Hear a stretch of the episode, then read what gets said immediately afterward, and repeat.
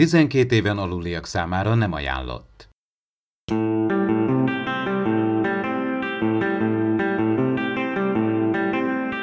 Ez itt az Impulzus Podcast, az űrszekerek Star Trek tematikus epizód kibeszélője.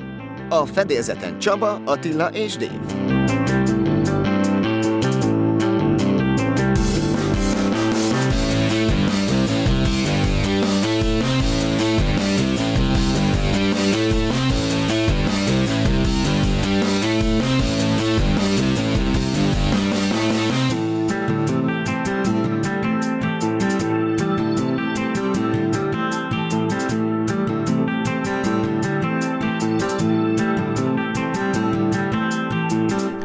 Köszöntjük a kedves hallgatókat, ez az Impulzus Podcast 90. adása, és itt van velem Attila és Dév. Szervusztok, srácok! Sziasztok! Sziasztok!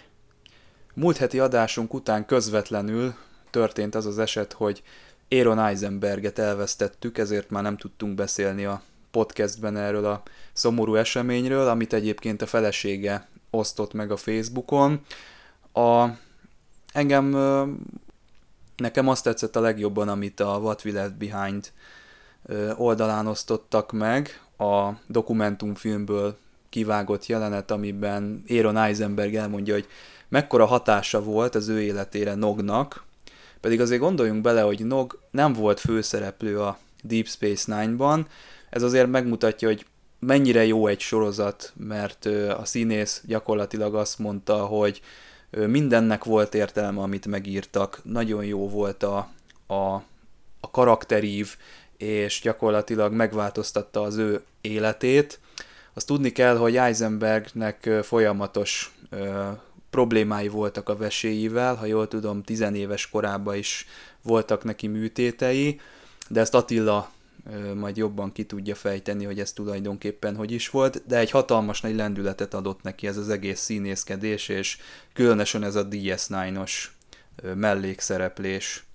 Igen, hát tulajdonképpen, hogy mellékszereplő vagy főszereplő, tulajdonképpen ő is ugyanúgy a csapat része volt, és valóban egyébként ő tényleg azért láthattuk, hogy azért ő elég alacsony termetű, és ő pontosan emiatt a vese problémái miatt volt ilyen alacsony termetű, tehát ő nem eredendően törpe, most mondjuk így. Hanem tényleg ő többször kellett ilyen műtétre befeküdnie, legutoljára 2015-ben kellett új vese, vesét beültetni, és tényleg tulajdonképpen egy valóban egy jó ismerőse adott neki vesét, tehát azt mondhatom, hogy tényleg még amerikai viszonylatban is rekordidő alatt négy hónapon belül gyakorlatilag új vesét kapott, tehát azt lehet mondani, hogy nagyon sokszor volt új születésnapja.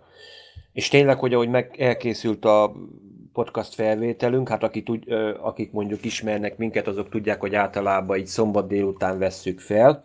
Tulajdonképpen azt mondhatjuk, hogy Kalifornia idő szerint valamikor délután kritikus állapotba szállították, szállították be tulajdonképpen Áront az egyik kaliforniai kórházba, és tényleg felesége rögtön kitette, hogy igen, hogy minden imát, jó kívánságot örömmel vesz, hogy sajnos mi történt így Áronnal, de már másnap reggel már gyakorlatilag mindenki hitetlenkedve olvasta, hogy sajnos Áron így szervezete gyakorlatilag feladta a harcot. Pedig azt kell mondjam, még előző nap még tényleg az interneten is aktív volt, tehát ez olyan volt, mint egy égből villámcsapás, mert tényleg egyébként egy nagyon közvetlen, jó humorú ember volt a Twitteren is, tehát le, nem voltak olyan probléma, hogy most, most híres lett, vagy valami. Ugyanúgy bárkivel beszélgetett, akár a Twitteren, akár a Facebookon, megosztotta a gondolatait, akár a világról is, és érdekesség egyébként, hogy mennyire tényleg a csapattal a csapatba beilleszkedett. Volt olyan, hogy twitteres beszélgetések során Armin Sömel ment, aki Quarkot alakította, néha tényleg bácsikámnak szólította, illetve volt egy másik humoros történet, hogy valamilyen tévéfilmet nézett, és meglátta benne René Auberjonoát, gyorsan a magát a televíziót lefényképezte, és kitette azzal a szöveggel ezt a képet, hogy jé, én ezt az embert mintha ismerném. Tehát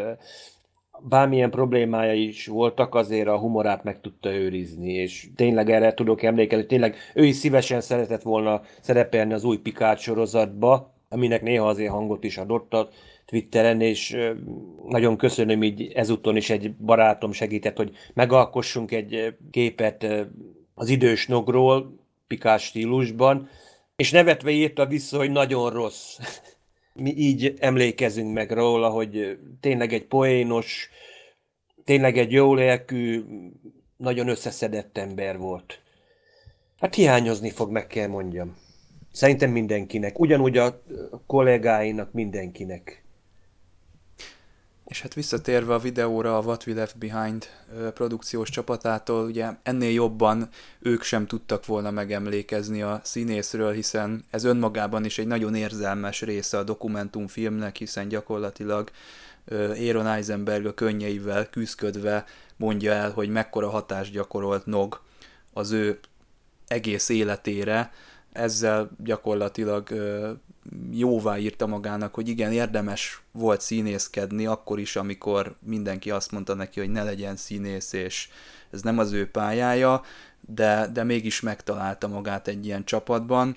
És hát nem csak a DS9-nak a színészei emlékeztek meg természetesen, hanem egyéb sorozatokból is megszólaltak színészek és készítők, akik jól ismerték ugye őt.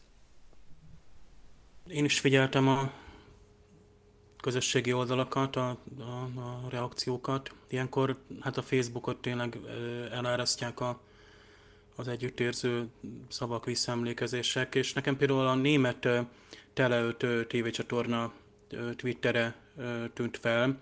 Ők például megváltoztatják a mai, pont a mai szombat est, tehát a felvételünk most szombaton zajlik, és a ma esti programjukat, tehát most 28-án az esti műsorban este 7 órától két D Space Nine részt fognak leadni. Hát tudni kell erről a csatornáról, hogy hát régen az Atines vagy Kabelines, most meg már inkább ez a Tele 5 nevű csatorna adja a legtöbb Star Trek-et Németországban, HD-ben is elérhető, és például most is, amikor felveszük az adást, eredeti sorozat epizód megy, egy harmadik évados rész, a, az esti két, tehát a rendkívüli Deep Space Nine rész pedig hát a hatodik évadból választották a Magnificent Ferengi, tehát a hat mesterlövész.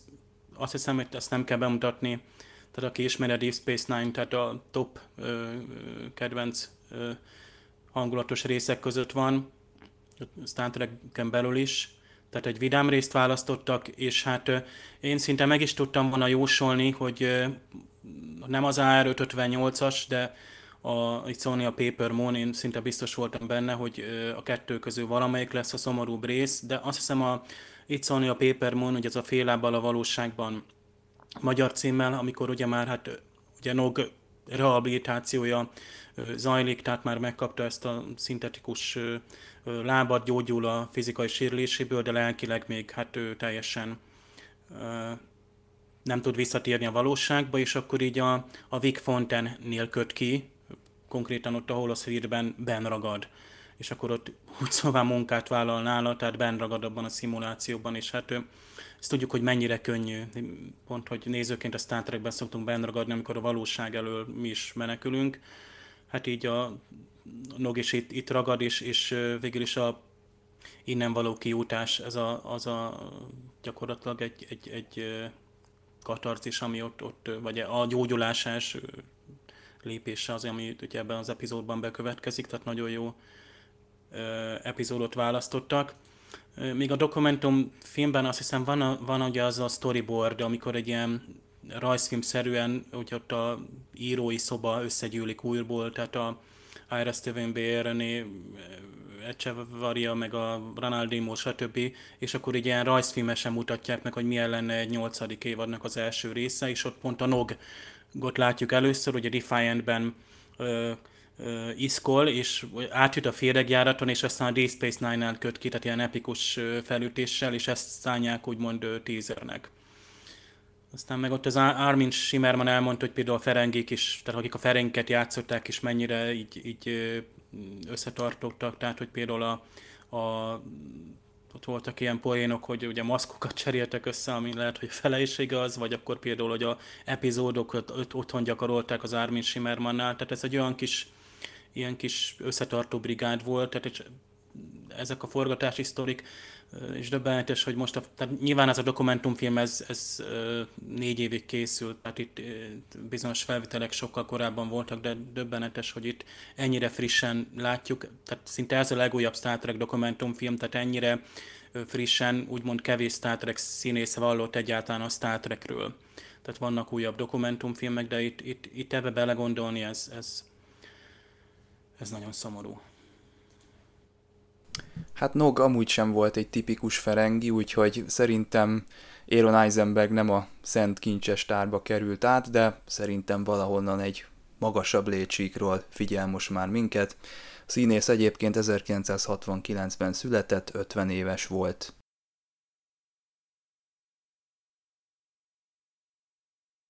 Képzeljétek el, hogy a múlt héten a Magdival egy ismerősünknek összegyűjtöttük az összes Star Trek sorozatot és mozifilmet, és én elkezdtem azon gondolkodni, hogy milyen lehetősége van annak a nézőnek, aki nagyon érdeklődne a Star Trek után, de mindenképpen szinkronizáltan szeretné megnézni a, a sorozatokat, illetve a mozifilmeket, és eléggé elszomorodtam, mert hogyha éppen nem megy a, a tévében, akkor elég kevés és uh, uh, Dave, te itt küldtél a témával kapcsolatban egy, egy linket, ez a justwatch.com, ez összegyűjti azokat a helyeket, ha jól látom, ahol streamingelni lehet a, a Star Trek-et. Ez régiók szerint is szűrhető, hogy most akkor Magyarországon mi az, ami elérhető.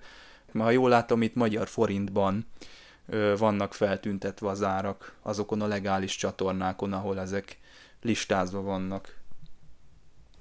Így van, a, a forint szó itt fontos, hogy elhangzott, hiszen ez, ez a, ez a uh, justwatch.com, aminek már uh, hát nem olyan régóta egy magyar uh, szekciója is van, hát a főoldalon a különböző országok közül választhatsz, ez azért uh, érdekes, mert hát például egy magyarországi Amazon Prime-on nem biztos, hogy az van, mint egy francián vagy egy angolon, ugyanúgy egy magyar Netflixen nem biztos, hogy az a kínálat, mint egy amerikai vagy németen. Lehet megnézni a többi országét is, lehet irigykedni, de ami a legfontosabb, hogy a legális, előfizetős magyar ö, streaming, vagy ö, legálisan megvásárolható, letölthető, mm, kölcsönözhető, online kölcsönözhető szolgáltatásokat sorolja itt fel, a, a, ez az oldal, ugye a Netflix-től az Amazon Prime-ig, de benne van a, a, a Google Play, az HBO Go, természetesen az iTunes is, és sőt még talán a YouTube Premium is, azt nem tudom, hogy egyáltalán mi az, ami elérhető magyar YouTube előfizetéssel, de itt, ha itt beütöd a Star Trek-et, hát megtalálsz hát majdnem minden mozifilmet. Mozifilmek azok túlnyomó részt csak az iTunes-nál érhetők el, nézhetők, kölcsönözhetők vagy megvehetők. Ezt jól mondom, hogy ott meg is vehető, megvásárolható, és akkor egy végleges letöltött verzió lesz a tiéd? Tehát Igen.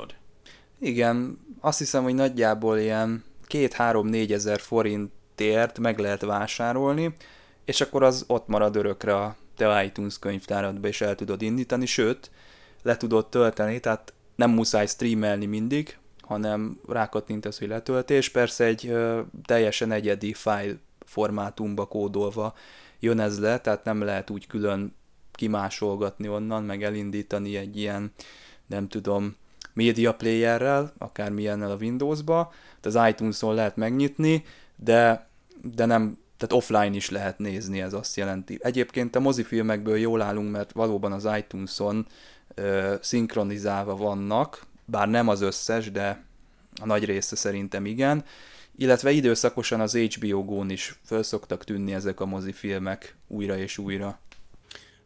Az nagyon jó, mert hát pont a Netflixen, ami szinte a magyar országi megjelenésével egy időben jelent meg a világ valamennyi Netflix régiójában az összes Star Trek sorozat felkerült, és akkor hát bizony még csodálkozott is az ember, hogy ez azért elég nagy húzás, tehát hogy tényleg egy kattintásra is, én most meg is néztem őket, tehát újból csekkoltam, hogy mérhető el, valamennyi Star Trek sorozat, valamennyi epizódja, tehát az eredeti sorozat, a rajzfilm sorozat, a TNG, a Deep Space Nine, a Voyager, az Enterprise és a Discovery valamennyi évada és epizódja elérhető de nem magyar szinkronnal, tehát sehol nincs magyar szinkron, angol, német, francia hang van ezekhez mindegyiknél. Hát egy-egy évadba kattintottam bele nyilván, de ez az angol, német, francia, magyar Netflix nézők ezt elég jól ismerik, hogy ezek a hangok szoktak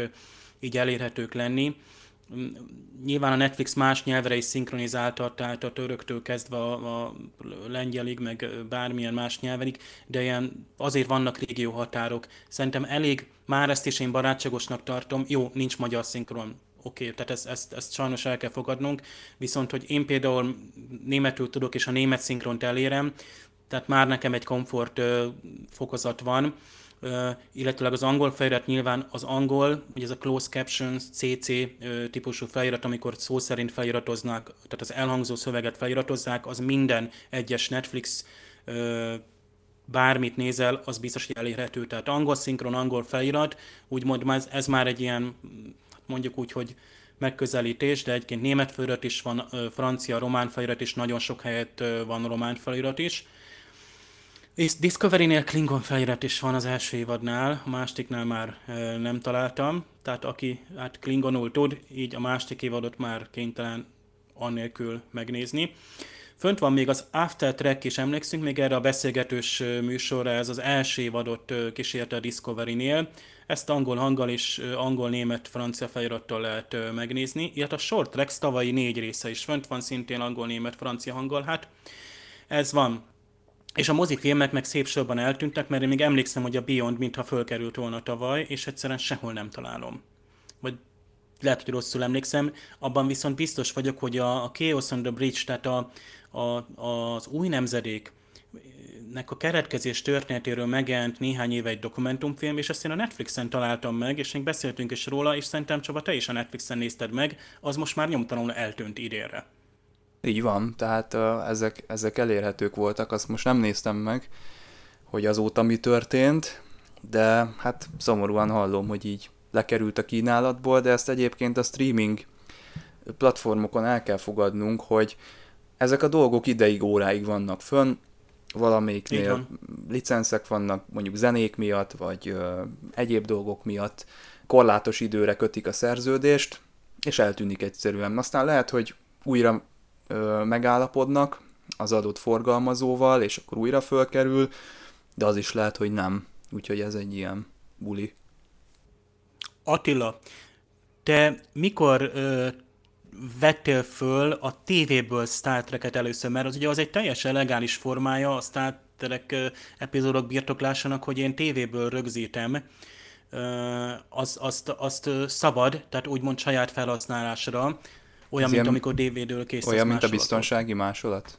Így van, tehát Aha. tévéből szabad fölvenni, és családi, tehát a, a home videó vagy a VHS-nek úgymond a licence úgy lett kialakítva, tehát a, úgymond a egész hardware tehát hogy az a, az a minőség, vagy hogy mondjam, az a fejlesztett, eleve családi, tehát lehetővé teszi, hogy televízióból felvételt készíts. Amikor ezt egy tévécsatorna nem akarta megengedni, a régi analóg időkben ilyen zavaró, ilyen scramble analóg zavaró jelet adott ki, és akkor a videó az karton keresztül nem tudta felvenni. Hát most a set-top boxokkal is azt hiszem, hogy lehet, van olyan berendezés, amivel lehet ilyen felvételt csinálni, bár az is szerintem ilyen egyedi fájlba kódolja az egészet, és nem, tehát nem teljesen rugalmasan rendelkezhetsz azzal, meg lehet, hogy valami időkorlát is van, de azért valamennyire lehet ilyet csinálni ma is.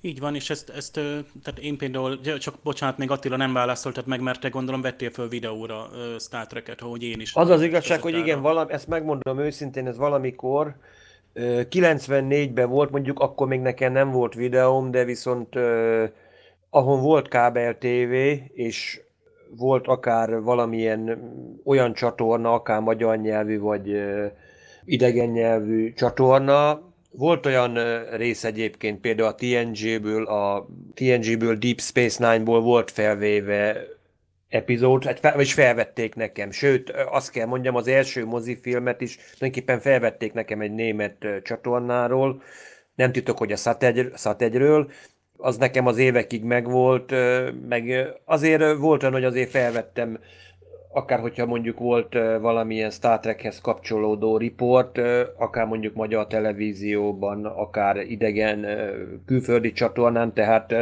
én is azért megtartottam az ilyesmit, hogy azért láttam azért például azt hiszem a meg volt valamikor a Scotty-nak a halálhírét is, amikor bemondta egy magyar televízióadó videó, akkor így pont be volt kapcsolva, és a kazetta benne volt tulajdonképpen élesen állít, hogyha bármi valami olyan érdekesség van a televízióba felvegyem. Sajnos az a kazettán ment tönkre, amin tényleg itt a Magyarországi a tévéadó bemondta, hogy sajnos Scotty, James Duhan már nincs köztünk, tehát voltak ilyen, én is az ugyanúgy megcsináltam, hát azért internet azért nem volt, nem volt azokban a boldog 90-es években, az internetet szinte azt se tudtuk mi az. Hát vagy nagyon rossz minőségben, de azt tudom, hogy a 90-es évek végén lehetett így először, hogy itt-ott ilyen, hát mindenféle oldalakról, meg FTP-kről, és akkor az ember tényleg így Star Treknek ugrott szinte először neki, hát ez főleg ott az új epizódoknak, például az Enterprise-t én így hát angolul beszereztem, és akkor így akkor azt néztem először így feliratosan, mert ugye érdekelt, hogy mi van, aztán jött németül, meg hát magyarul is. És nekem még ez a videós korszak után, hát sok videókazettára tényleg rengeteget vettem fel, magyarul, meg Zatánycról például németül. Aztán volt egy olyan, hát ilyen DVD-re, meg merevlemezre felvevő ilyen kombi készülékem, azzal is nagyon jó felvételeket lehetett csinálni. Meg volt egy műholdvevő kártyám, tehát ö, ö, számítógépbe, és ott gyakorlatilag Windows alatt elindítottad a, beállítottad a adott frekvenciát, tehát leszkennelted, mintha egy asztali műholdvevő lenne. Nyilván az antenna az kívülről bejött a vezeték a számítógépbe és a kártya szépen azt a jelfolyamot fölvette a kódolatlan adásoknál, egyébként tudott kódolt adásokat is néha, például a viaszatot, és így az összes ilyen TNG epizódot onnan fel lehetett venni, és itt Csaba kivágja ezt a részt, tehát ez is egy régi nosztalgikus rész. Nyilván ez is egy tévéfelvétel volt, meg em, nyilván nem sokszor ostottam én, de DVD-kre írtam ki, azt hiszem három epizód fért fel egy DVD-re, mert MP2-ben adott például a Viaszat, meg az Atánc is, tehát relatív ilyen DVD minőségben volt, a reklámokat meg ki lehetett vágni utólag, és tehát az tök szuper volt így tárolni. Aztán persze jött az, hogy így elkezdtük cserélgetni, hogy jaj, neked megvan a viban az összes, akkor hú, na igen, tehát onnantól már átlépünk a szürke, meg egyéb más zónákba. És utoljára még nekem, hát teljesen extrém és el, teljesen ilyen őrült, de én hallottam már más rajongótól is ilyet, hogy Magnó kazetta, Magnó kazetta, ugye csak audio, kedves fiatalok, ha van itt, aki 30-on alul hallgatja az adást, tehát Magnó kazettára fölvenni ö, tévéből, mert mondjuk az embernek még nem volt videója, és a 90-es években még így volt, meg 2000, amikor az első Voyager epizódok voltak, Magnó kazettára, tehát nekem vannak Voyager epizódok Magnó kazettán, és akkor egy 45 perces epizód, a 45 perces A oldalon volt rajta és ha véget ért az epizód, akkor megfordítottad a kazettát. Nyilván reklámoknál pauzét kellett, hogy nyomják, önben nem fértél rá ugye a, a kazettára, tehát furfangos volt már akkor is a ö, tévék, ugye, reklámokkal.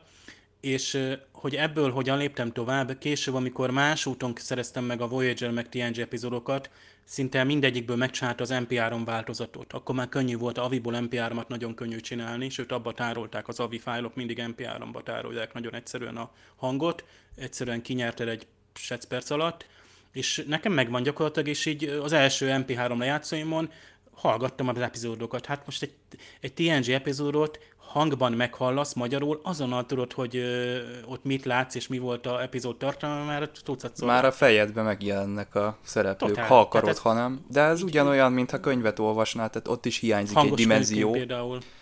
Ugye a mozgókép az egyesít mindent, ami, ami ehhez kapcsolható, képet, hangot, de hogy Isten még ugye olvasni is lehet közben. Sőt, ha ki, ez, ez is még 90-es évek eleje, akinek mondjuk egy kicsit komolyabb rádiója volt, akkor be tudta fogni a rádión a magyar televízió egyes csatornának a hangsávját. Teljesen legálisan egyébként ott volt benne, tehát gyakorlatilag ameddig adás volt, addig ugyanúgy a hangcsatornán lehetett hallani. Úgyhogy ha valaki akart, akár sztereóba is nézhette már akkor, akár azt mondom 94-ben is a magyar televíziót, hogy két hangszóró tényleg egy komolyabb magnummal lehetett, és akár így is fel lehetett venni, mert akár, mag, akár Star Trek mozifilmet is, mert volt egy húsvéti adá, egy húsvét, nem tudom ez pontosan, hogy mikor, 92-be vagy 91-be, akkor például leadták az egy, egyes számú mozifilmet, és leadták a negyediket is, a Voyager Home hazatérést. És később, valamikor 95 körül pedig leadták a Spock keresését, tehát a harmadik mozifilmet. Tehát akár így is, tehát arra emlékszem, Igen, azt, azt, azt viszont azt, be, azt én annak idején tényleg felvettem, én is Magnóval felvettem azt a részt, tehát hogy a hangját hallottam. Utána később meg lett tényleg a rendesen videókazettán, amikor már televízió is leadta, akár mondjuk azt mondom valamikor 11 óra után elkezdték vetíteni, videókazettán is meg lett tulajdonképpen maga, a, maga, maguk a filmek. A régi szép idők, azt mondom. Na de akkor tényleg, tényleg sok mindent Mit csináljon lehetett. az a valaki, aki, aki ma szinkronos Star Trek-et keres, ott ül a kis 4K tévéjével, és mondjuk az első találatra talál egy ilyen rettenetes, nem tudom, avit, mondjuk az Inda videón, és, és így ennyi a Star Trek. Mert szerintem ez nagyon nagy probléma a Star Treknek a mai népszerűsödésénél, hogy egyszerűen nincs, gyerekek, nincsen szinkronos Star Trek sehol. Az RTL Spike-on megy az Enterprise, azt meg lehet nézni szerintem, úgy tévén, úgy, meg a mozifilmeket úgy nagy nehezen össze tudja gyűjteni HBO-n, amikor éppen van, meg, a, meg az iTunes-on, ami éppen szinkronizált. Szóval ebből a szempontból szerintem borzasztó a helyzet, de ez már, ez már átfordult egy ilyen véleménybe. Nektek mi a, erről a meglátásotok? tényleg, ha az ember egy jó minőségbe akar megnézni egy Star Trek-et, akkor tényleg sajnos csak az marad a külföldi oldalak, nagyon sokszor tényleg a minőség, tényleg ilyen, ha már csak egy számítógépen kiteszed teljesre a képernyőre, már akkor látod a szemcséket, hogy a, Isten őrizzen, mondjuk tényleg egy rendes, egy, tényleg egy 4K-s tévére felted, mert az, akkor megőrülsz. Én csak azt tudom mondani így mindenkinek, aki mondjuk így Star Trek-et akar nézni, hogy tényleg keresgélni kell.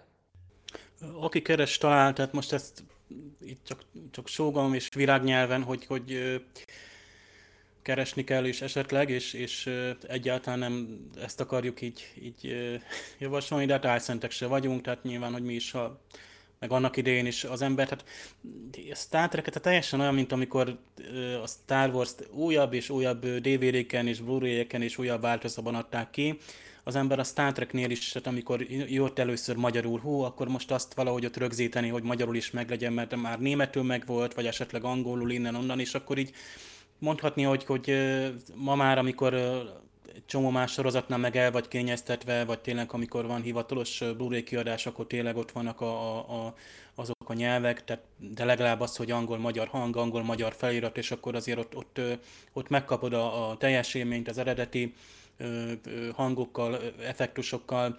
Nyilván, hogy a korabeli szinkron, 90-es évben készült sok Star Trek szinkron, ott bár egyébként nemzetközi hangsavat akkor is használtak, az már azért egy olyan korszak volt, bár azért az első Star Trek szinkron még a Videovox-ban készült, a volt Pannoniában, de hát ott is top technika volt akkor is, és volt nemzetközi hangsáv és a magyar hangokat, tehát én úgy gondolom, hogy kiváló minőségű a magyar fordítást is én mindig dicsérem a színészek, tehát hogy az űrszekerek rendezvényeken nem egy szinkronizáló Star Trek színéssel találkoztunk, hogy milyen elkötelezettséggel, legutóbb például a Pálfai Péter mesélt erről, pont a, visszanéztem, én csak videón tudtam, hogy a szinkron nos, szinkronizáló színészek voltak ott a Day of Stars-on, és akkor, hogy őt például szinte pont a, a Ferengi szerepre választották és nem is tudja, hogy miért, hát teljesen hasonlítanak, és amúgy meg teljesen, és ő most is így emlékszik dolgokra is fel, tehát ezek nagyon jó, amikor a, a szinkronizáló színészek ennyire, és ezt azonosulnak a, a, a, a szereppel, vagy, vagy magukénak érzik, ez mindig bebizonyosodott, valahányszor eljöttek ott, ott és beszéltek a 20 évvel ezelőtti munkájukról, a Star Trek sorozatokról, és ez kár, hogy így elveszik, mert itt, itt igazából arról van szó, hogy hát illegális forrásokból kéne összekaparnod, és ott jó minőségben megvan a színésznek a hangja, akár egy HD képhez párosítva.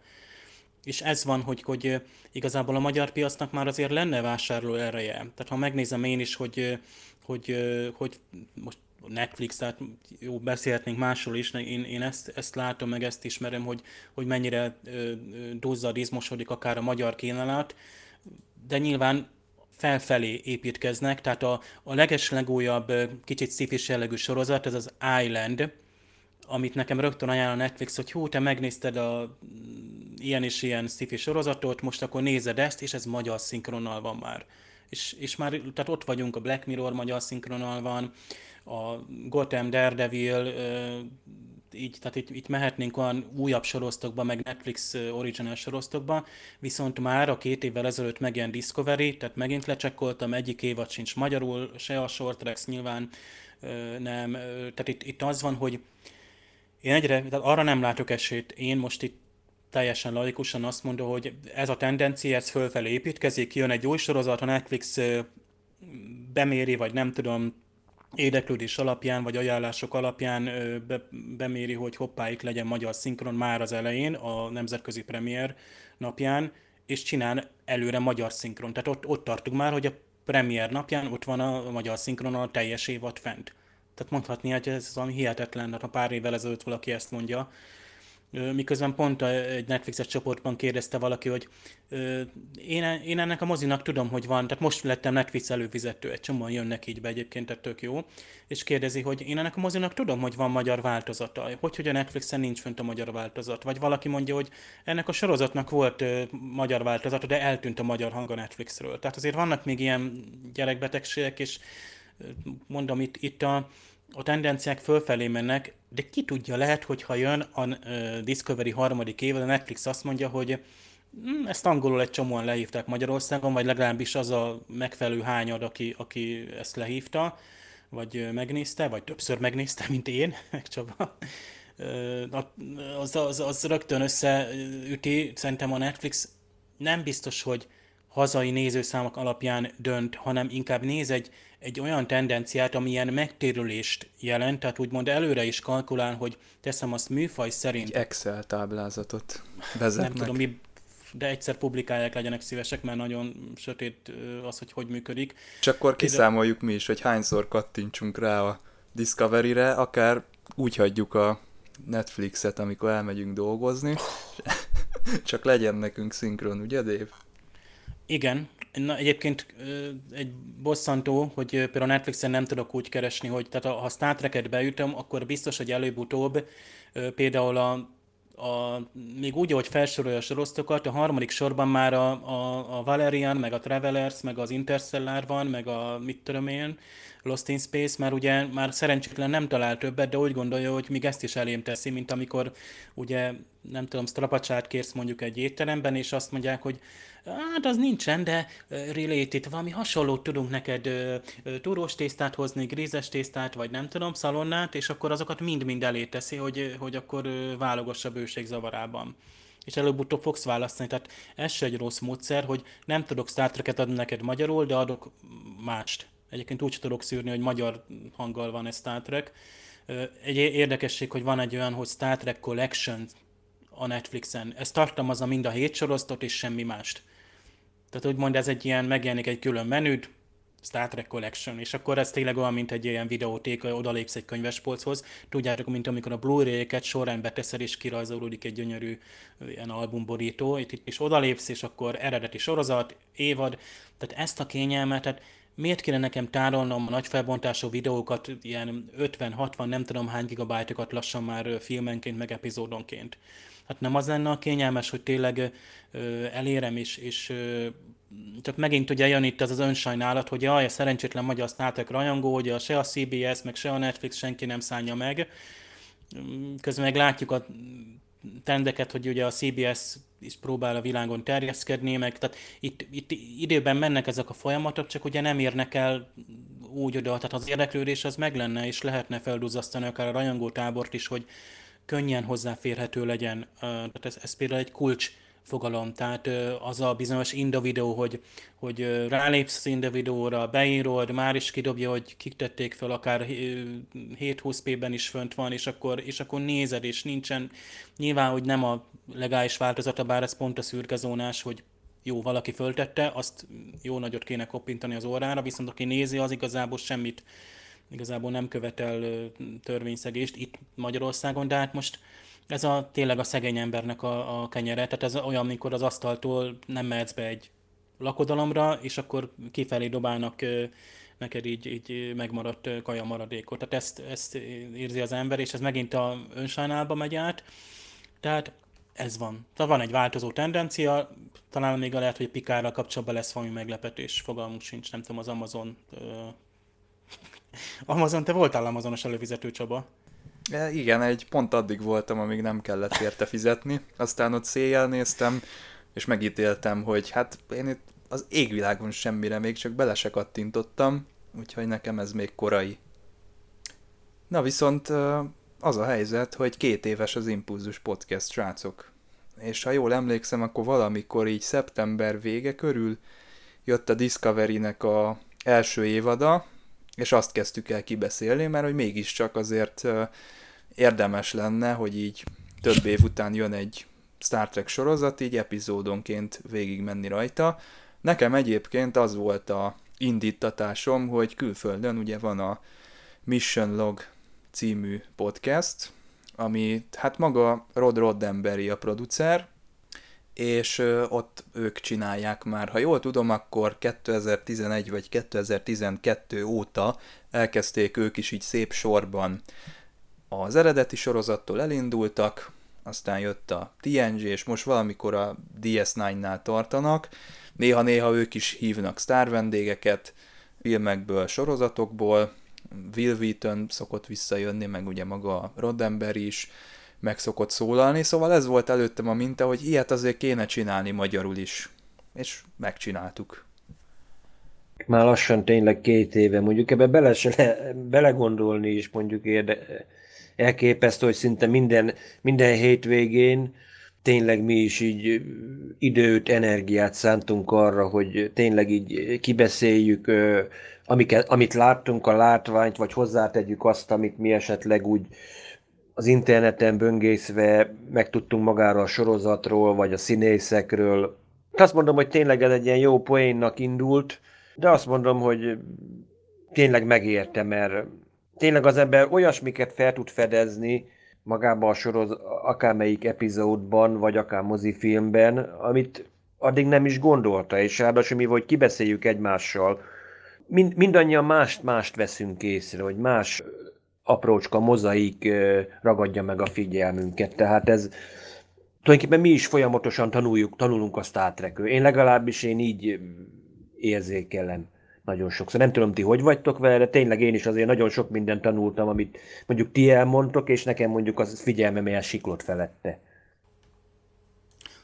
2017. szeptember 30 hát már kimondani is sok, hogy 2017, és tényleg akkor indult a, a, a Discovery, tehát hihetetlen két év, és, és Hát hol is tartunk? Ez hanyadik epizód lenne? Ugye 90-es, mondjuk az én számításaim szerint már 106-os, de tehát nekem egész más, meg hát nekem már 23 gigás ilyen mappa gyűjti össze az adásokat. Annak idején egy 2 óra 15 perces adással indult az első adás, ugye, ami kibeszélte a Discovery első ö, részét, aztán ugye jöttek ilyen Conteo szekciók is.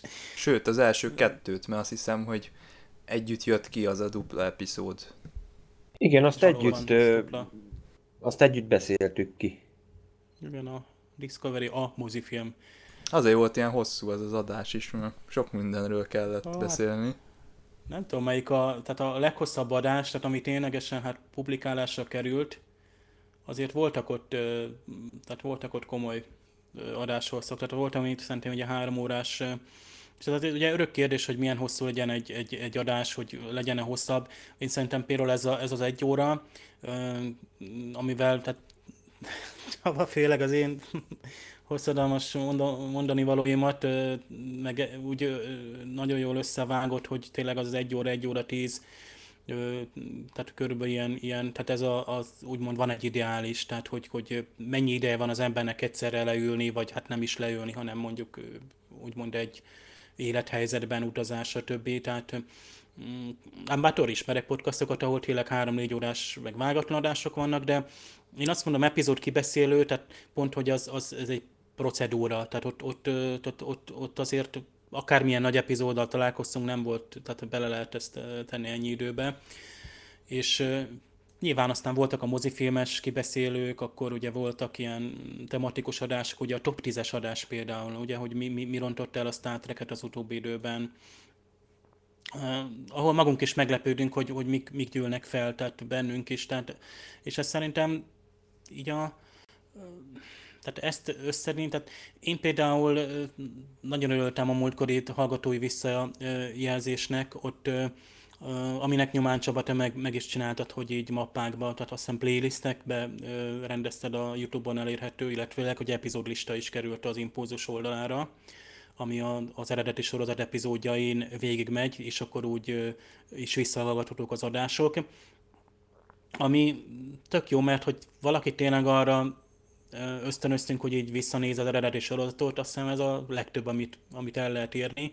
Nyilván, hogy mi magunk is jól szórakozunk, de hát azon túl van egy, van egy ilyen misszió is, ahogy Csaba szoktad mondani, hogy igazából mi, mi azért azt töretlenül megyünk előre, és akkor végig megyünk a ugye hét sorozat, és azért 700-nál több rész van. Egyébként egyetlen egy podcastról tudok én, meg német nyelvtaneten, ott is csak egy. Vannak ott is Star Trek podcastok, de én azt hiszem, hogy most persze, hogy tehát én ezt kimerem mondani, hogy, hogy a, a, egyáltalán nincs ok az impulzusnak szégyenkezni, se hangminőségbe, se a, a adás a híreknek, vagy a, a véleményeknek a, a, a jó tálalásában, mert a német podcastok is ugyanúgy működnek, tehát ott is úgymond spontán leülve, természetesen konkrét és konkrétan megnézve egy epizódot, vagy egy témát ugye utána járva, de, de mindenképpen ez a, ez a spontaneitás, ez,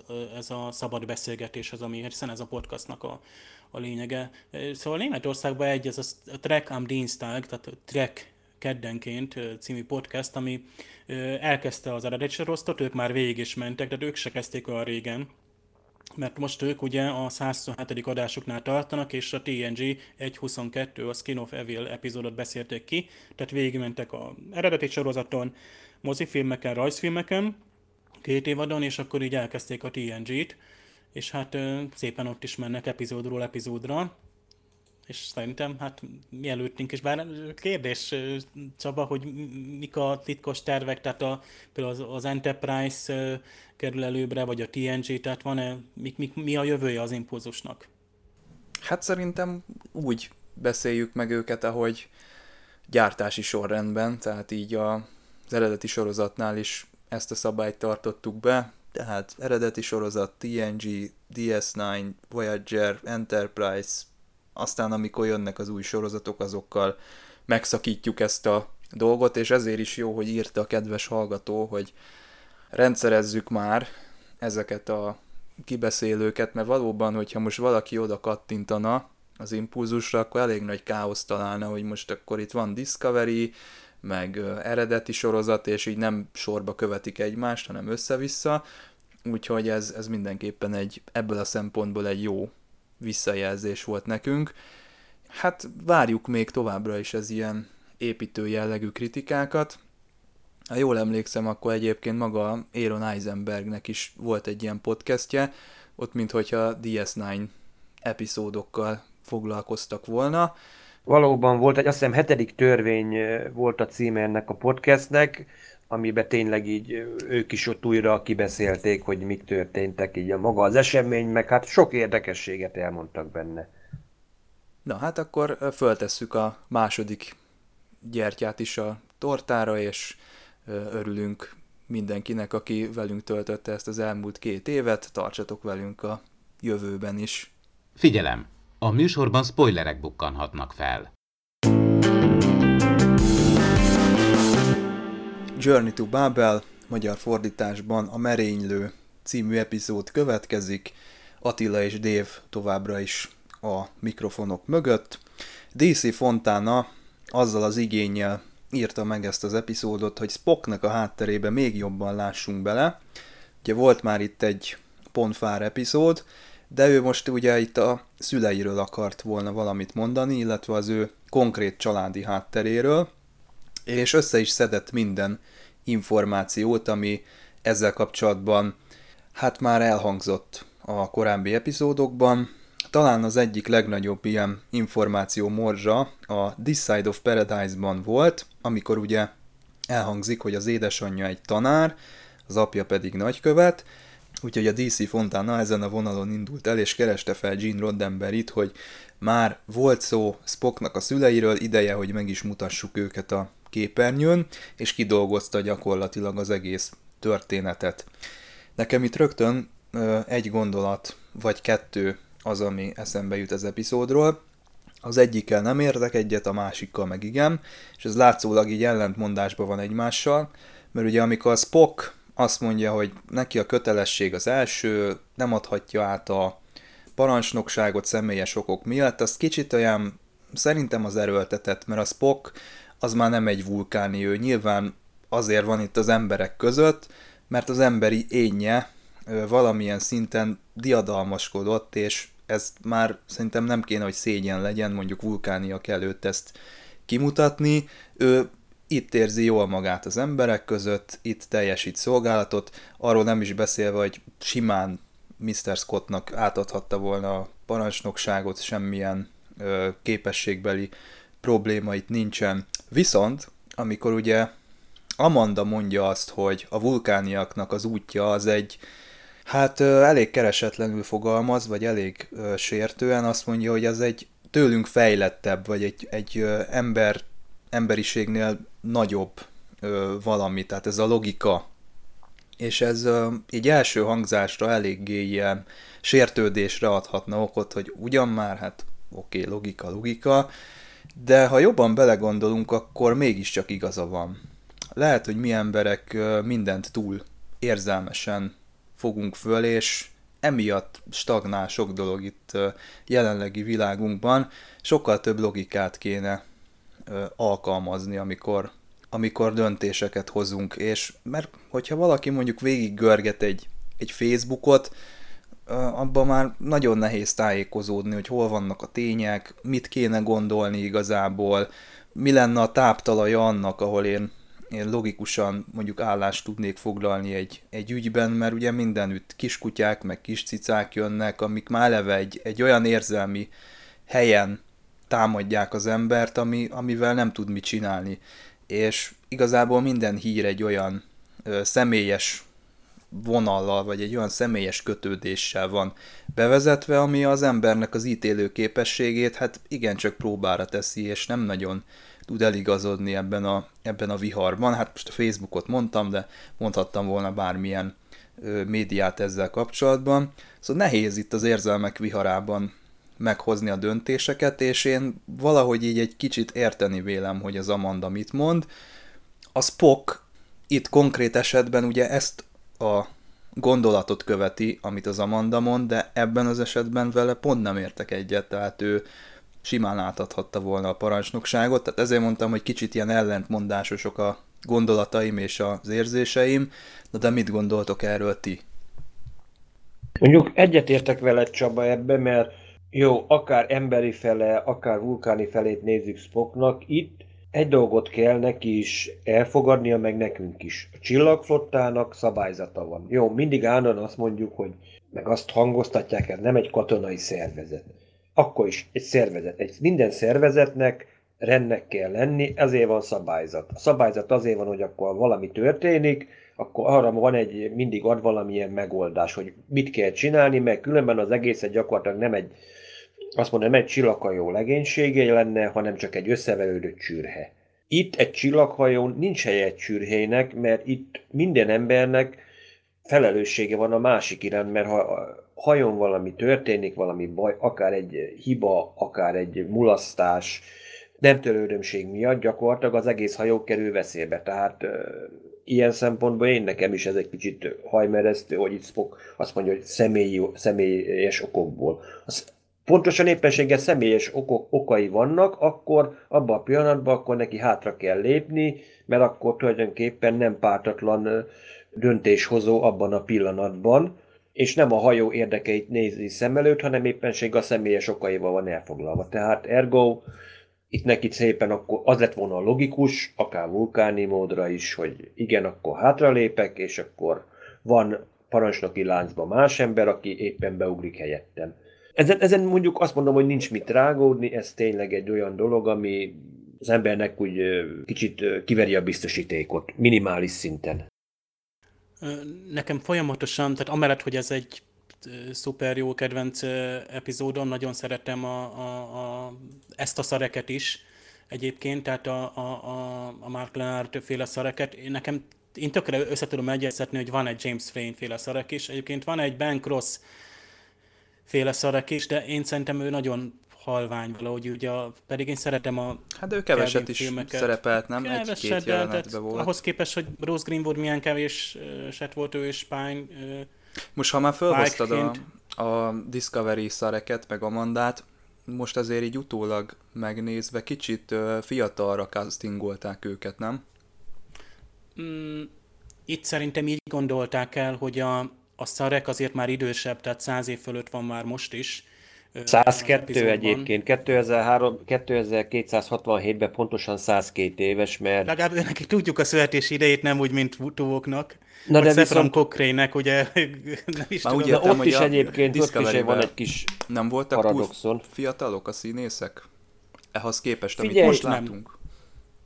Figyelj, mivel Spockról, Spockról, Szarekról van szó, egy idegen lényről van szó, ahol egyébként az a tényleges életkora akár két-háromszor is olyan hosszú, tehát én azt mondanám, hogy azért Spock esetében, Spock, mindig Spockot mondok, Szarek esetében mondjuk az, hogy kicsit fiatalabbnak látszik, James Frayne mondjuk például, ahhoz képest, hogy mondjuk tíz évvel később majd látjuk Szarek Mark Leonard, hogy hát Istenem egy kicsit megőszült, meg felszedett magára egy-két, egy kis izmot, egy kis egyebet is, végül is nem lenne olyan nagy gáz, hogy azt mondjuk, hogy na száz éves korában is milyen jól tartja magát. Azt mondhatnánk rá. Hát 60 években úgy képzelték el, hogy egy ilyen rangú uh, személy, és direkt a, meg akarták ezt a távolságot tenni, hogy, hogy azért tiszteletet parancsoló legyen. Tehát ezért, ezért uh, volt ott uh, ugye uh, az Amanda is uh, ott uh, idősebbnek látjuk, mint nyilván, hogy de ha megnéztek, aztán hát a, a, a Winona Ryder is, hát ő, ő is talán, ha ő, ő 40 se volt, amikor a, a, az első Star Trek mozifilmben ö, szerepelt, ö, nem volt 40, és ha megnézzük ugye a... Az első Kelvin mozifilmben, nem az első Star Trek, mert az első Star Trek az tud, hogy 70, tud, hogy erre... Így van, egyébként jobban benne maradt, tehát a Winona Rydernek a, a, az Amandája, akit pedig sokkal kevesebbet látunk, tehát valahogy úgy jobban benne maradt pedig ott aztán még ki is vágtak jelenetet ő vele. És visszatérve a Discovery-re, Mia Kirchner, ő 41 néhány éves volt, most nem mintha itt fontos lenne, hogy most ki hány éves például egy színésznőnél, de itt igen, kell, persze annyinak azért kell legalább lenni, hogy, hogy őket ábrázzák, de szerintem az már elég onnantól, mert a, mondjuk a, egy vulkáni, tehát a szareknek a korasza, például a James Frayne egy nagyon jó szareket alakít, és ő is, jó mondjuk már ő tényleg 50, de pont az a aranykor, ami, ami férfiaknál egy csomót tud alakítani 40 éveset, meg 60 éveset is el tud játszani. Tehát egy tekintélyt parancsoló, tehát ő, ő nagyon jó szarekként, és ugye nekem a, a két kulcsepizód van, ugye a léte, amiben a, ebben a TOSZ epizódban is utalt Spock döntés, hogy ugye a Szarek hozott egy nagyon nehéz döntést, hogy a Burnham-mel szemben a Spockot választotta a Vulkáni Akadémiára, de Spock aztán viszont ezt mégse választotta, mert ő meg aztán elment a, a, a föderációhoz, tehát a, a Csillagfort Akadémiára, és Csillagfort a tisztelet, mert ő úgy gondolta, hogy ott is ki tudja teljesíteni magát és felfedezni a, a világegyetemet. Tehát nem kell feltétlenül a vulkánon lennie ahhoz, ez volt Spocknak a logikája. Ö, és ö, ugye Szarekben ez okozott egy ilyen törést, ugye az a Léte című epizódban ez volt feldolgozva, és a másik a Light and Shadows, amikor megtaláljuk az elrejtett Spockot. Most már szerintem nem spoiler, hát azért csak valaki, aki hallgat minket, megnézte már a Discovery második évadát, és akkor a családnak a négy tagja ugyanúgy a, jó, most itt csak hárman vannak még, még itt se Cyborgról nem tudunk, se Burnhamről, tehát, de ugyanaz a, a családi dinamika, tehát nekem ez a Journey to Babel ugyanolyan erősen előadja a Szarek családjának a, a belső feszültségeit, a történetét és a működését, mint a Discovery-ben az a néhány epizód, amikor ők együtt vannak, és Na, nincsenek hát túl sok epizódban Igazából együtt. itt már le van téve minden, tehát az, Nagyon amiket jól. itt hivatkoztunk. Erre lehetett, és ezt Discovery, megnézték szerencsére. A Discovery meg a Kelvin, meg akár a rajzfilm sorozat is, mert ott is megjelenik, Jó, hogy tényleg. bántják a gyerek vulkániak a Spockot.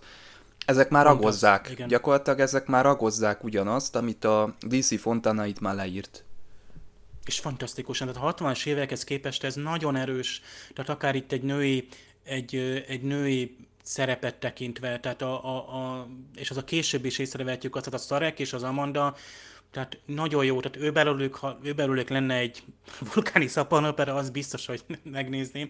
Tehát nagyon ö, ilyen kevés jelenettel is ö, ö, nyilvánvalóan jó színészekkel, de nagyon meg jó írással, nagyon jól tudják ábrázolni azt, hogy, hogy miért vett el Szarek egy emberi nőt? Ugye itt a végén, hogy egyetlen logikus választás volt. Közben a, a Mandának bizonyos estekben már a könyökén jön ki a vulkán logika, sőt beteg tőle az eredeti változatban, ezt mondja egyenesen, hogy nagyon beteg már attól, és úgy szóval idézelbe ez egy beteg logika. Janeway is néha mondja tuvoknak, hogy tehát a logikával mindent meg lehet indokolni, tehát a, a, a Spocknik itt az érvei, hogy hogy száz föderációs követ van, itt egy idegen hajó, megöltek egy, egy nagykövetet, megtámadták a kapitányt, és ezek mind, mind sorolja, úgymond magának.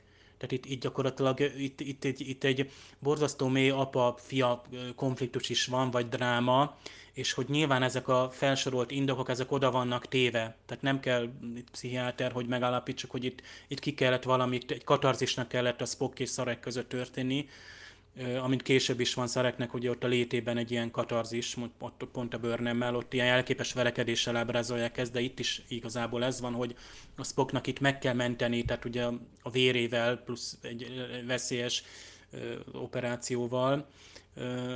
Fantasztikus itt Körknek, a, a, tehát azt, azt mindig imádom azt, amikor Körk ugye utolserével a hídra megy, és már szinte leroskod a székre, de még eljátsz a Spock előtt, hogy menjél már Spock, és, és menj meg a szareket, és, és itt vagyok, jól vagyok, és, és utána meg lesz, ami lesz. Tehát ez itt... Az nagyon jól el van játszva az a dolog, mert itt a Körknek az arcán nekünk látnunk kell azt, hogy ő valójában nincs jól, de a Spockot éppen meggyőzi. Tehát a Spocknak azt a kell látnia, kell hogy, hogy, hogy jól van, viszont a nézőnek meg látnia kell rajta, hogy nincs jól. Tehát ez megint ilyen kettős játék, ugyanúgy, mint a vulkániaknál kettős játék, hogy látnunk kell az érzelmeket, de úgy kell látnunk, hogy valójában neki nem szabadna sugározni az érzelmeket. Egyébként eh, érdemes lehet relativizálni ezt az egész vulkáni logikus hozzáállást, mert nekünk embereknek ez a logika, ez ijesztő lehet, ahogy Janeway mondta, itt idézte Dave, hogy hát logikával mindent meg lehet magyarázni utólag is, meg ugye Burnham is a logika nevében követi el végül is a, azt a lépést, amit a Discovery elején még ma is hát heves vitákat vált ki itt a rajongó táborból. Na de, nekünk embereknek, hogyha mi ilyen logikusan kezdenénk el gondolkodni, akkor lehet, hogy az tényleg katasztrófához vezetne, tehát akkor mindenféle szélsőséges dolog megtörténhetne, de gondoljunk bele, a vulkániaknál teljesen más a helyzet, mert nekik az érzelmi világuk is százszor hevesebb, mint az embereknek, és náluk meg ez volt a, a, a megfelelő lépés ahhoz, hogy, hogy egy ö, ilyen kulturált civilizációt létrehozzanak. Szóval érdemes összehasonlítani a kettőt, és rájövünk, hogy két teljesen más utat bejáró civilizációról van szó. A vulkániaknál a logika az egyetlen megoldás, az embereknél meg épp, hogy nem lehet mindent a logikával megoldani. Tulajdonképpen a logikával se tudsz mindent megoldani, mert ha logika lett volna, ha mondjuk például Szerek is mindent logikusan hajtott volna végre, és most itt a logikát nyugodtan lehet mondjuk akár hagyomány szóval is összekapcsolni, akkor sose... Hát persze, igen. Lehet, hogy pont ezek a nem logikus, ahogy most te mondod, dolgok teremtenek egy olyan dinamikát a vulkáni társadalom fejlődésében, ami tényleg egy progresszív... Épp az az, hogy nincsen már dinamika. Nem véletlen volt az, hogy csak az, Enter, az Enterprise sorozatban is tulajdonképpen arra volt a hangsúly, hogy itt a, a vulkániak már rájöttek, hogy azért az a fajta logika úgy magában nem elég. Szerintem se a maradiak, se a haladók nem logikusak a vulkániak között, ez inkább ilyen, ilyen látszat ideológiáknak az összecsapása. A logika szinte azt mondhatjuk, hogy a vulkániakon egy máz szinte. Ha úgymond a lelkük mélyén mondjuk egy Romulán meg egy vulkáni között nincs sok különbség, csak annyi, hogy mondjuk a Romulán az, az, az nyíltan bevallja, hogy ő, ő tényleg mindent azért tesz, amiért, hogy jó, önös érdekből. A vulkáni az mondjuk, főleg, hogyha mondjuk az Enterprise nézed, azt a sorozatot gyakorlatilag ő bevonja itt mindenféle ilyen udvarias formába csomagolja be. Tehát a, a logika az egyrészt bizonyos szempontból egoizmus is, mert a logika azt mondja neked, hogy na most te most ha barátkozzál valakivel, azért barátkozol logikusan, mert ö, neked abból hasznod van. Tehát a logika mentén ide is el tudunk jutni, hogy azért logikus, hogy valaki ez, valaki azért alakítunk ki valamilyen kapcsolati formát, valamilyen kommunikációs formát, mert saját magunknak is akarunk hasznot. És a vulkáninál ez is, ez is egyik vak volt, azt mondom, hogy a vulkáni egyrészt ilyen szupercivilizált, másrészt meg látjuk azért a ponfárnál azért gyakorlatilag olyan ősi barbár hagyományok is megmaradnak, amelyekre egyébként szükség van, mert a logikának egy visszacsapó ereje, pont amit említette, hogy a vulkániaknak az érzelmi világa sokkal erősebb, dinamikusabb, amit viszont vissza lefolytanak, és emiatt van a ponfár, hogy 7 évente ki kell engedni a gőzt. Szemben mondjuk a klingonokkal, a klingon az azt mondja, az nem, nem, nem fogjuk vissza magunkat, van egy probléma, abban a pillanatban megoldjuk, ha kell, akár hirtelen statáriális sortűzbizottság előtt.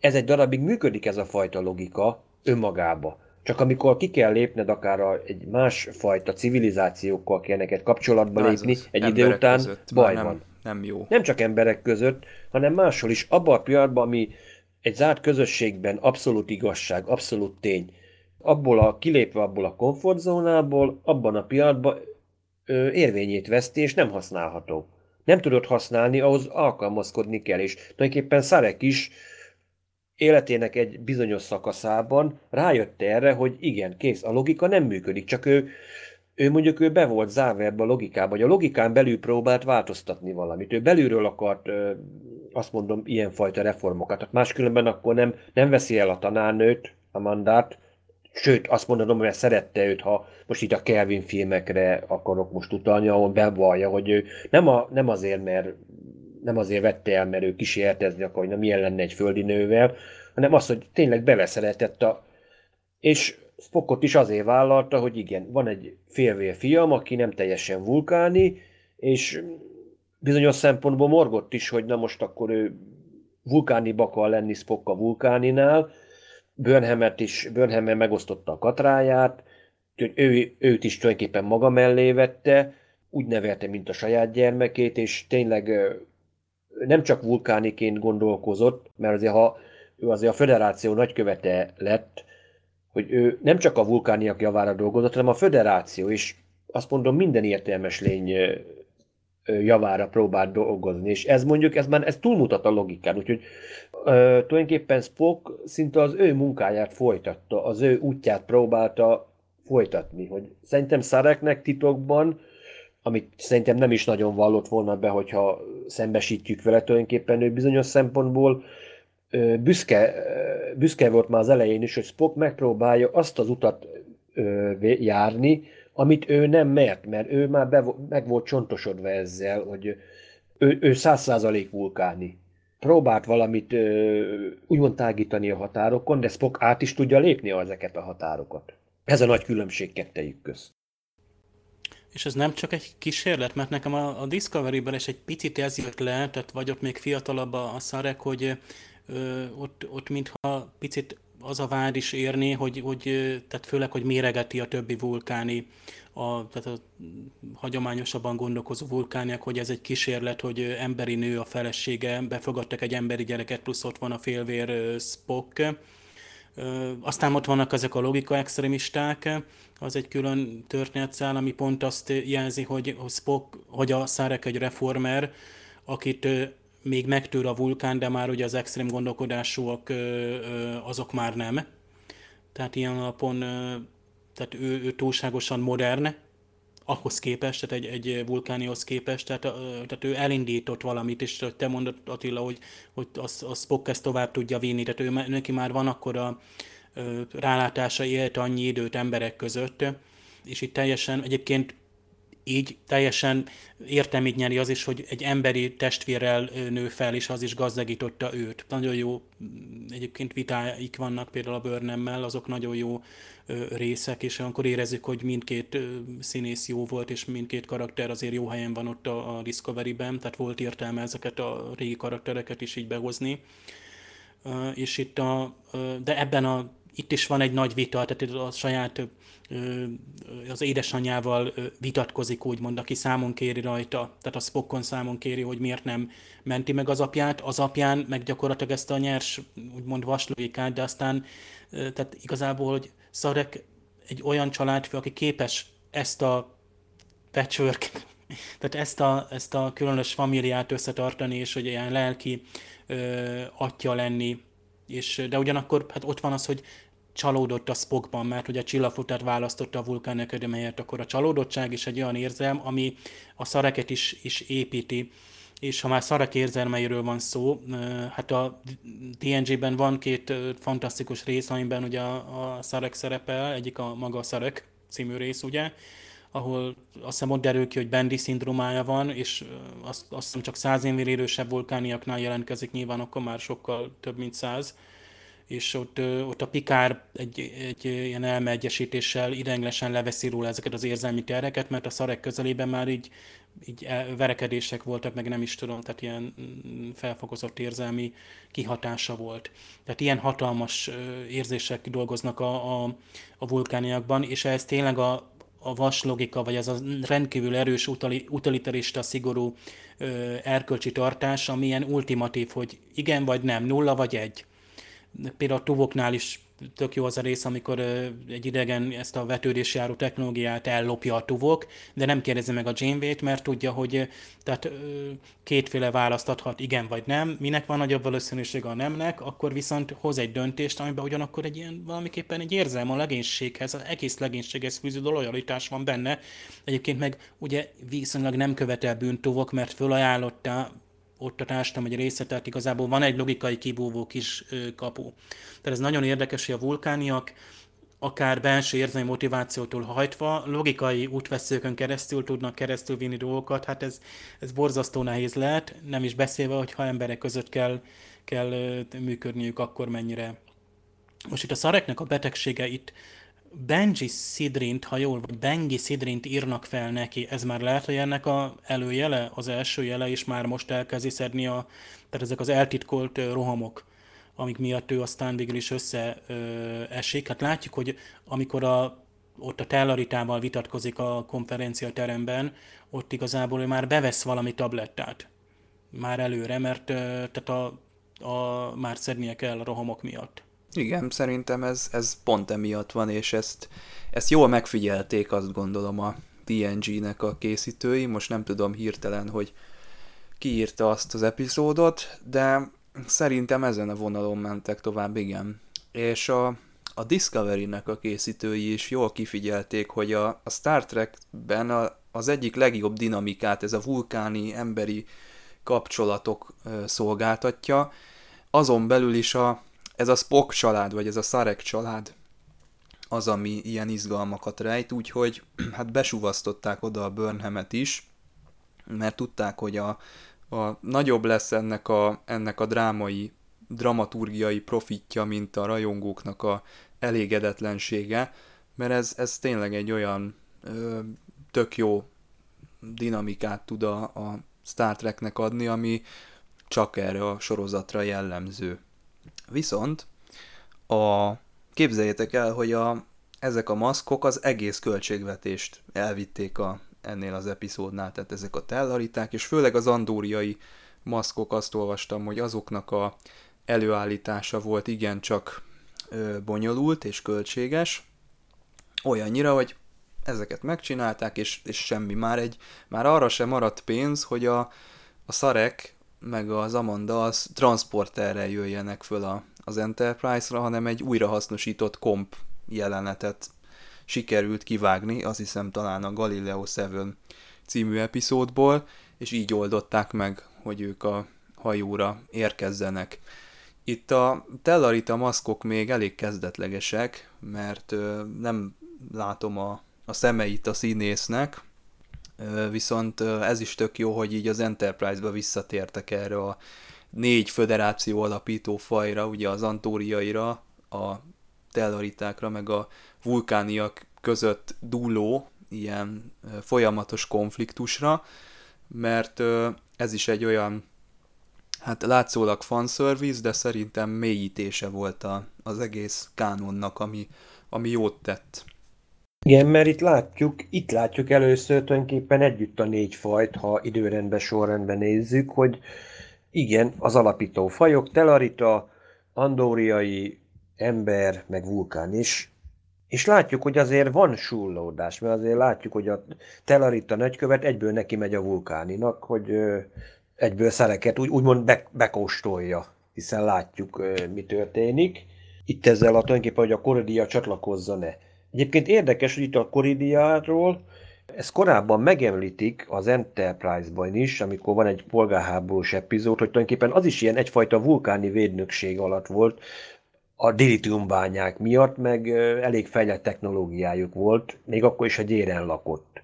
Ismét az láthatjuk, hogy tulajdonképpen azért jó föderáció van, hogy minden nagyon szép lenne, minden, minden békés, de azért megvannak a belső feszültségek, azért nehezen halnak úgymond a régi beödegződések, a régi ellentétek, amit egyébként később azért majd láthatunk a később majd az Enterprise sorozatba, forgatási időbe gondol, gondolom én, hogy azért láthattuk, hogy az az andóriai vulkáni konfliktus megvolt, Telarita, Andorián konfliktus, tehát úgymond a régi szép időkben a federáció előtt szinte mindenki mindenkivel haragba volt.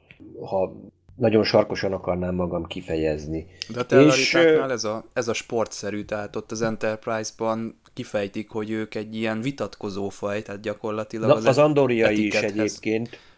Amikor ott mondja Archer, hogy a, amikor uh, Sren is tiszteletlenül, uh, úgymond csúnyán beszél. Jó, ő is megjátsza magát, tehát úgy kell És mondja, hogy akkor Archer, hogy, hogy igen, azt tulajdonképpen ezzel, tudom, hogy ezzel tulajdonképpen, azért, tulajdonképpen a tiszteletét fejezi ki, ő a kapitány iránt, tehát azért úgymond mindegyikben benne van még az még itt is, hogy azért nem mutatom ki a másik iránti tiszteletemet, hanem ehelyett inkább, inkább sértegetem a másikat, nehogy rájöjjön, hogy tulajdonképpen én respektálom őt, tehát egyfajta ilyen, hogy is mondjam, egy kis egész, hát egészséges egoizmus azért még ugyanúgy megvan ezekben a fajokban, hogy ezt azért kihegyezik, akárhova, akármilyen, akár még sorozatot nézed, meg akár még epizódot, azért mindegyik fajban azért megvan ez a kis kivagyiság. Jó, emberekben mind bennünk is benne van, tehát ez ilyen egyetemes dolognak lehetne felfogni, hogy mindegy milyen, hogy nézünk ki, milyen a külsőnk, azért nagyon sok mindenbe hasonlítunk. De azért nem olyan sok mindenben, tehát én megnézted a konferencia termet, hát persze, hogy elment itt a költségvetés, hát itt micsoda eleve több a tellaritáknak, hát ő nekik igenis egyenesen félelmetes ezek a szem nélküli maszkok, de, aztán ott voltak ilyen színes parókák, megint ez a Daft Punkos, nem tudom, nők vagy férfiak, ilyen szopfok voltak, hát egyébként lehet, hogy ez még az olcsóbb megoldás, arra, annak kifejezésre, hogy másik bolygóról származunk, hogy más színű a hajunk. Aztán voltak ilyen, hát törpék, elfek, vagy evokok, ők nem tudom melyik. Azok az aranyszínű kis csávók? Ö, igen. Én egyébként szerintem az tökre elmenne ilyen ferengi ős ferengi, Aha. vagy ilyen Valami olyasmi. Egyébként nem azok, mert a memória alfán le van írva, hogy kik is ők valójában, de szerintem tök jó ilyen, ilyen eredeti sorozat ferengi. Hát ez, ez, ez tehát itt, itt lehetett látni, hogy a költségvetés az, az elment, és igen, pont, pont azon csodálkozok most, hogy mondod ezt, hogy a, nem jutott uh, arra pénz, és így olcsó sit oldották meg ezt a megérkezést. Hát nekem az egy ilyen fénypont. Jó, mondjuk én az új változtat néztem, itt megint, a, hogy én bizony nem láttam az eredetit már nagyon régen, és most itt az újban, hát uh, lehet, hogy most először láttam viszont az újat, mert rácsodálkoztam, hogy hát a hangár az borzasztó jók a, tehát oldalt, fönt a hangárban, ugye több szint, több elleneti magas a hangár, ilyen átlátszó nagy üvegablakok, és ott is látod, hogy a legénység lenéz a hangárba. És azt hiszem ennek a másik oldalát, mintha láttuk volna egyik epizódban, Körk talán egy hölgy vendéget kalózolt arra, de akkor meg nem láttuk a hangárt, tehát volt valami ilyen, hogy van arra utalás, hogy a hangár az több fedélzet magasságú, és hogy le is lehet nézni. De most ott láttuk a, ezekből a kilátókból a legénységet, nyilván a CGI legénységet, akkor a megérkező komp. Nekem tök, tehát a, ez a CGI nem volt el úgy, mint mondjuk az Enterprise-nak néhány megoldása. Itt érzem, hogy tehát itt mit kell, az az érztem van, hogy ezt modellel készítették, holott a százszerék, hogy ez a komp is CGI volt a felújított verzióban, és nekem teljesen rendben van. Tehát így tökre beleillik az eredeti sorozatnak, tehát itt nem vitték túlzásba a 2008-9 vagy mikor készült a, az eredeti sorozatnak a remastered verzióban. Szerencsére nem vitték túlzásba, de azért egy minőségi, azért egy időt álló CGI-t készítettek, és, és hát nyilván a bolygók meg ott, ott észesre veszed ott, hogy tök szép bolygót látsz itt a vulkánt. Egy bakit azért mondok a CGI-ban is. Hm. Amikor éppen leszáll a komp a hangárba, akkor látunk két fejet, azt figyelted? A, az ablakokban, ott a szélvédőn. Az a, én a felső ablakokat néztem, nem a szélvédőt. Aha. Na a szélvédőben látunk fejeket, ami azért bajos, mert ha visszaemlékeztek vagy a Galileo 7-re, vagy a múlt heti metamorfózisra, akkor azok elég magasan vannak. Tehát, hogy ott ülve lehessen látni a, a pilótáknak, a, vagy a legénységnek a, a fejét, az úgy, az úgy elég lehetetlen, ha csak nem állva ö, szállnak le a kompal, de nem tudom azt miért csinálnák. Tehát a, hát a kompal egyébként mindig előjönnek az aránytalanságok, mert a múlt héten szerintem ezt nem mondtuk be, a metamorfózisban is, amikor ö, kinyílt az ajtaja, az egyébként mennyire menő már, tehát azt megcsinálták. Azt az a, a szétnyíló ajtó. Igen. Viszont amikor ott jönnek ki a, a körkék, akkor látjuk, hogy magasabban van a fejük teteje, mint magának a kompnak a teteje, pedig ugye amikor a belső felvételek vannak, azért ők elférnek ott elég jól állva is. Tehát a, a, a Le kell hajolni belső... mindenkinek, hogy Igen. kijöjjön. Tehát olyan, mintha belülről nagyobb lenne a komp. Igen. Volt ilyen az Enterprise-ban egyébként. Bevonuló őrök, doppergés, akkor a bemutatkozás, hát egyébként amikor először feljön a szarek, akkor tényleg nem az jut eszedbe a Romulán parancsnok a Balance of Terrorból? Tehát a szarek, csoda, hogy Körk nem kérdezte meg. Igen, én nem értettem Ismerős először. nekem maga, nem Romulán? Igen, hogy a testvére nem szolgál valahol máshol egyébként tényleg. Nekem is, hogy amikor én még németül néztem, hát na most össze-vissza néztem az epizódokat, hogy most akkor mondom, hogy van ez? Hát mondom, itt láttam, hogy Romulán egyenruhába is, hát mondom, mi van, mondom, valami kém, hát akkor még úgy nem értettem a, mondjuk a németet se annyira, tehát de ne feledsz, Spock kizárta például az idegen támadó hajónál Igen. a romulánokat, klingonokat, és így tehát logikusan kezdte szűkíteni a kört, és csak ugye persze utólag jött rá, hogy Orioni, vagy nem lehet más.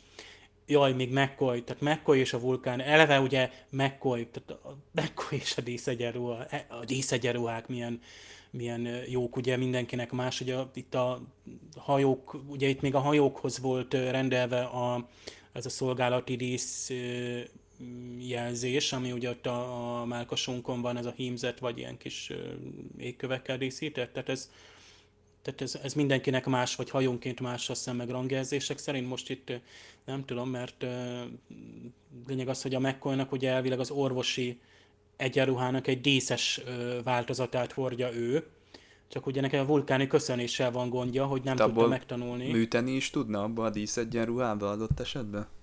Elvileg lehetne, ha szép tiszta. Akkor, ha sterilizálva van, akkor igen. Hiszen Ott van ekkor már van mező volt. Sterilizáló mező volt, mert az örökkévalóság őrzőjébe is említik, hogy már ekkor ilyen erőtereket használtak, csak hát 60-as években még valószínűleg nem tudták volna megjeleníteni.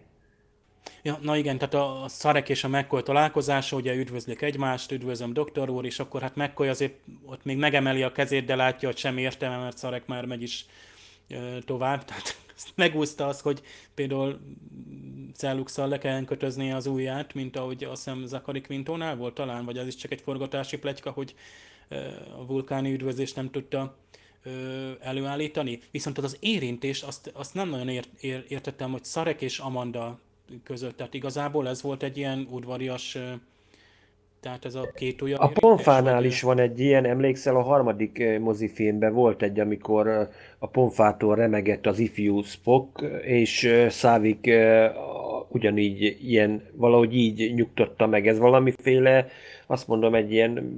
Telepatikus. Mm, hát valami telepatikus, valami érintkezés, hogy meg a konfluenciának ami egy ilyen telepatikus kötelék általában családtagok között, vagy akár házasok között, ennek egy valamiféle, azt mondom, egy kevésbé hatásos verziójának kellene lenni. Egy hirtelen vágás után jön a, a verekedés, Körk és az ja, igen.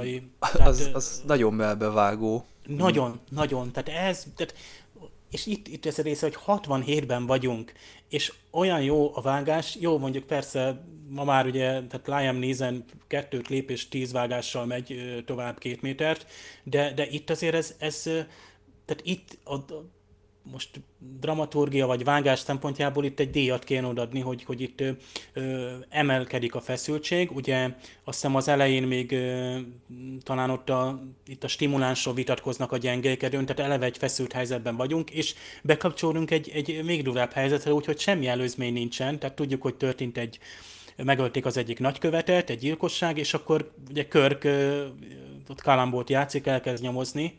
Persze, ha tudná, hogy Kalambó majd őt kétszer fogja elkapni, akkor lehet, Na de az a nyaktörés, amikor lenne. elemzik, hogy hát ezt a nyaktörést, ezt csak egy vulkáni tudta csinálni, mert ez a nyaktörés, ez nem olyan, mint egy normális nyaktörés. Tehát az kicsit ilyen, igen, és akkor még a Spock mondja is, hogy ezt csak a, csak a Szarek tudta csinálni, ezt a, ezt a fajta nyaktörést.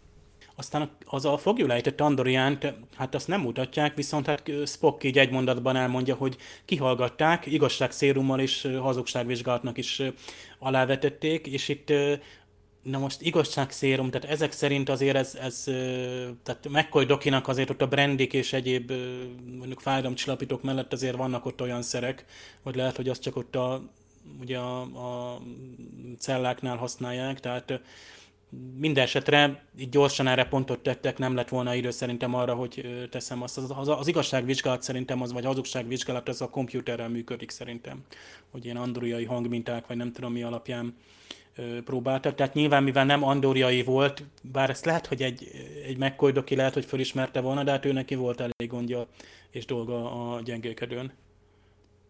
Magyar változat nagyon jól lekövette ezt a, ezt a hangulatos, meg akciódús részt.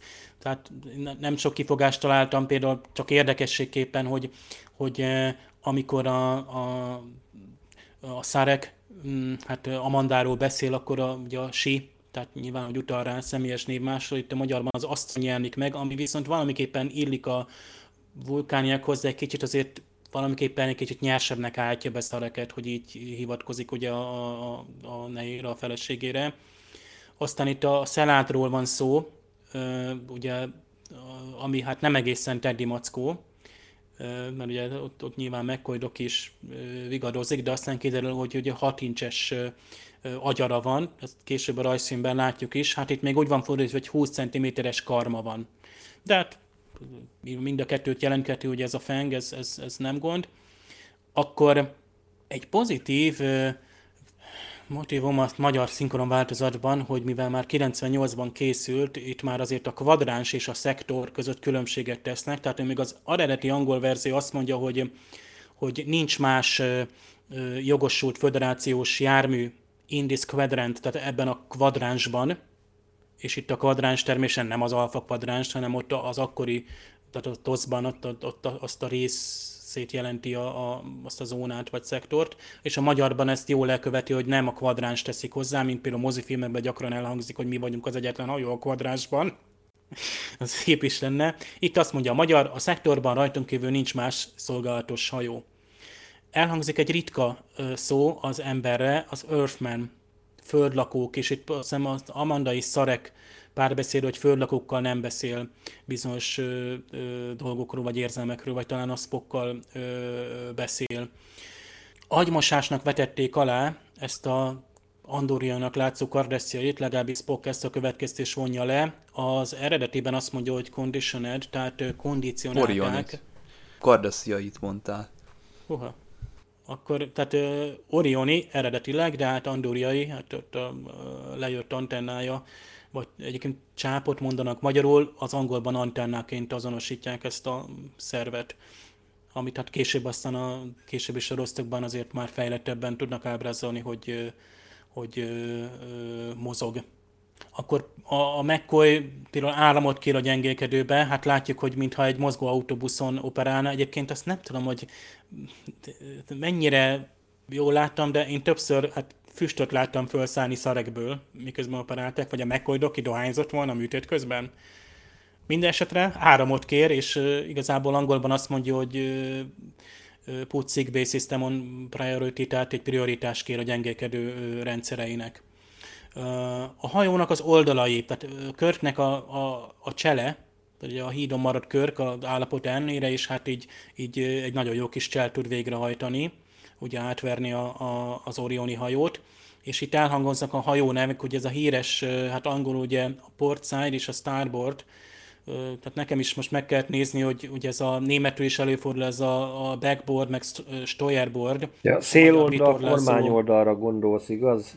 Pontosan, igen, igen, igen. Tehát igazából, ha úgy veszik, a menetirány felé állunk, tehát előre felé nézünk és megy velünk a hajó, akkor a bal oldal lenne ez a, a port side, ugye a kikötői oldal, ugye a starboard vagy kormányoldal, az meg a jobb oldali.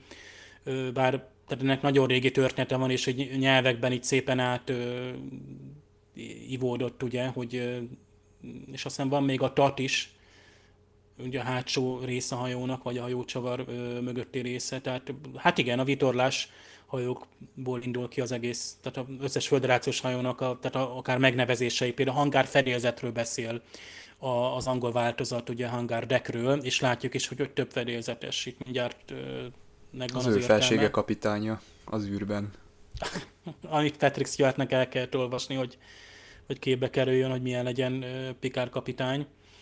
Um, és például a, a Körtnek egy, egy-két parancs egy eltűnik, hát elég gyorsan pörögnek ott az események, hogy például ugye a Starboard, tehát a jobboldali mm, energiaellátás kikapcsolását parancsolja, és hogy maintain until further orders, tehát addig tartsa ezt, amíg nem kap új parancsot, ez teljesen eltűnik a magyarban, hát egy egész mondat is el tud sikkadni akkor nagyon érdekes az a, megint a régi, tehát úgymond a flotta terminus az, hogy Relay Starfleet Command, tehát ami ugye egy, szintén egy nagyon régi, tehát szintén hajókról, tenger alatt járókról jutott eszünkbe, hogy közvetítő állomásokon át sugározva továbbít egy adást.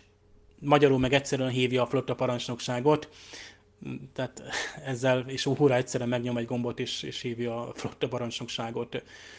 Mm, még azt hiszem a Amandának van, hát több dolgot is mond itt, hogy a szarekről, tehát a magadságát, vagy a két, a szarek és a Spock magadságát, ugye ez a pig-headed, hát disznófejű lenne szó szerint, de ez az angolban is ilyen több értelmű, hogy ez a makacságot jelenti, tehát ha valakit ennek neveznek, akkor ne vegyes értésnek angol nyelvterületen, mert ez, ez, ez több dolgot is jelent. A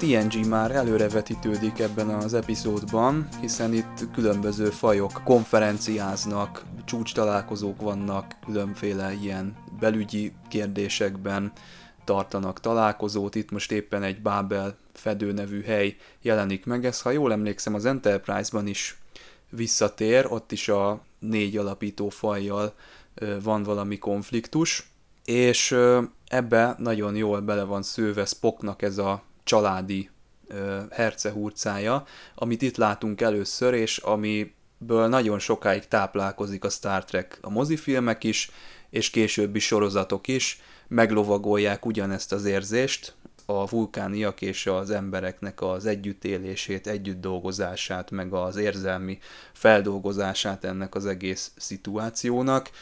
Természetesen alapmű benne van a eszenciális Star Trek epizódok között a Journey to Babel, a fogadtatása az akkoriban is és a mai napig is egyöntetűen pozitív, teljesen elsöprően jó kritikákat kap mindenhonnan, ez gyakorlatilag ténylegesen egy olyan epizód, ami hát lassan közhely lesz ez a mondat az Impulzus podcastben is, de hordozza a Star Treknek az eszenciáját, tehát aki esetlegesen ezzel kezdené el a sorozatot, az nem követel baklövést, hiszen látni fogja élő egyenesben, hogy miről szól ez az egész. Időtlen epizód, és annyira jó, hogy a későbbi sorozatok így visszavetítve ezt tovább gazdagítják. Tehát most én, aki már láttam az új nemzedék részeit, a mozifilmeket, az új mozifilmeket, a, a Discovery sorozatot, és több képet, életképet kaptam a, a Szarek családjáról, azokról a viszonyokról, ezt visszaigazolva érzem, ilyen utólagos megerősítéssel, ez, ez, ez nagyon jó, tehát ezért működik a Star Trek univerzum, és ez borzasztóan nehéz. Tehát itt, itt érzem, hogy milyen nehéz egy forgatókönyvírónak, amikor leül, egyébként már Dorothy Fontánának se lehetett könnyű dolga, hiszen itt, itt meg kellett teremteni egy már akkor emblematikus és nagyon fontos szereplőnek a hátterét, hogy lássuk Spocknak a szüleit, és kiválóan sikerült. Tökéletesen sikerült. Tehát látjuk, látjuk azt az érzékeny, de, de határozott ö, ö, nőt, látjuk, látjuk ö, a, a szintén egy, egy felelősségteljes, ö, konzekvens, ö, erőteljes személyiséget, ö, szareket, és hogy ők ketten két világot kötnek össze, miközben Spock, és még ki is mondja ebben a részben, hogy nem vagyok, tehát sem vulkáni, sem ember. És ez a legtragikusabb, ami, ami történhet egy, egy ö, ilyen vulkáni ember hibriddel, félvérrel, vagy nem tudom, hogy kéne megfogalmazni, hogy mi is a Spock, de hát ekkora már tudja a néző, hogy mi a Spock. Tehát már a pontfáron is túl van. Ekkora már összeadaktuk a Spockot annyira, hogy, hogy mögé lehet tenni a szüleit. Hát emlékszem, hogy például a Worfnak a, a szüleit milyen későn láttuk, és szerintem hát ott, ott, ott nagyon furcsa volt. Tehát a, a Worfhoz hozzá párosítani, hogy abban a családban nőtt fel. Itt a Spocknál nem érezzük ezt a, ezt a differenciát, itt, itt, itt, itt érzed, hogy, hogy igen, ebben a családban nőtt fel a Spock. Plusz még a, a Michael Burnham. Most már kikerülhetetlen hát része a Star Trek kánonnak, és, és én, mi meg e, e, itt a podcastban nem érezzük úgy, hogy bűn azt kimondani, hogy igenis a Michael Burnham a Spocknak a, a fogadott testvére, és része a családnak, és hatottak egymásra, de annélkül is nagyon jól fölépített az a család, plusz még a spybokkal is, és még, még azt is, tehát én még azt is egy nagyon jó ötletnek tartom. Tehát én szeretem az ötödik mozifilmet, és, és azt a konfliktust nagyon elképzelhetőnek, sőt nyilvánvalónak tartom, ami például a Spock és a, a Cyborg között is van, vagy volt, vagy lesz. Tehát nem egy egyszerű eset, és az a konfliktus vagy szituáció sem egyszerű, hiszen itt emellé még oda tettünk egy, egy Star Trek szempontjából jelentős mozzanatot, hogy hogy működik a föderáció, tehát követeket kell utaztatni, és egy, egy, egy, egy bolygónak a belépéséről tárgyalni. Oda tettük a, a kém történetet, majd ugye triplis részben is lesz egy ilyen álcázott kémünk, ott egy kicsit nyilván humorosabb meg a leleplezése is, itt azért egy kicsit keményebb. Van akciódús rész, van orvosi dráma, duplán, tehát ez a bármelyik modern orvos sorozatban lehet egy ilyen, ilyen rész, nagyon erős. Tehát az a konfliktus, hogy, hogy McCoy nem parancsolhat rá, vagy nem javasolhatja ezt a műtétet. Amanda eleinte nem is engedné. Spock logikusnak tartja, hogy igen, ő alkalmas arra, hogy megmentse a szareket, de utána ugye a kötelesség teljesítés, miután hát kör kiesik, és a, a parancsnoki hierarchiában, tehát a kötelesség tudata megezőzi ezt, és aztán néző is sokáig kérdező, hogy ennyire erős lenne, vagy ennyire Tehát ennyire erős lenne Spockban a vulkán, és ennyire nincs ott az emberi oldala az érzelme. Tehát, és ez pont ez, hogy ez se nem ember, se nem vulkán, ez az őrlődés, és erre a Spock nem ad megoldást. Ne felejtsük el, hogy Körk, tehát a, ugye akkor a mccoy a, meg a Körknek a trükkje az, hogy Körk eljátszol, hogy ő mégis jobban van, ugye megkapja ezt a nagy sebb tapaszt a melkosára, de emellett ugye le van borotválva a melkasa, tehát mindig a melszőrzett tilalom van, ha jól tudom, még most is akkor érvényes, ahogy ezt már megfogalmaztuk többször. Tehát igazából egy külső megoldással kényszerítik úgymond egy logikus úton a Spockot arra, tehát úgy szóval nem a saját döntése ez.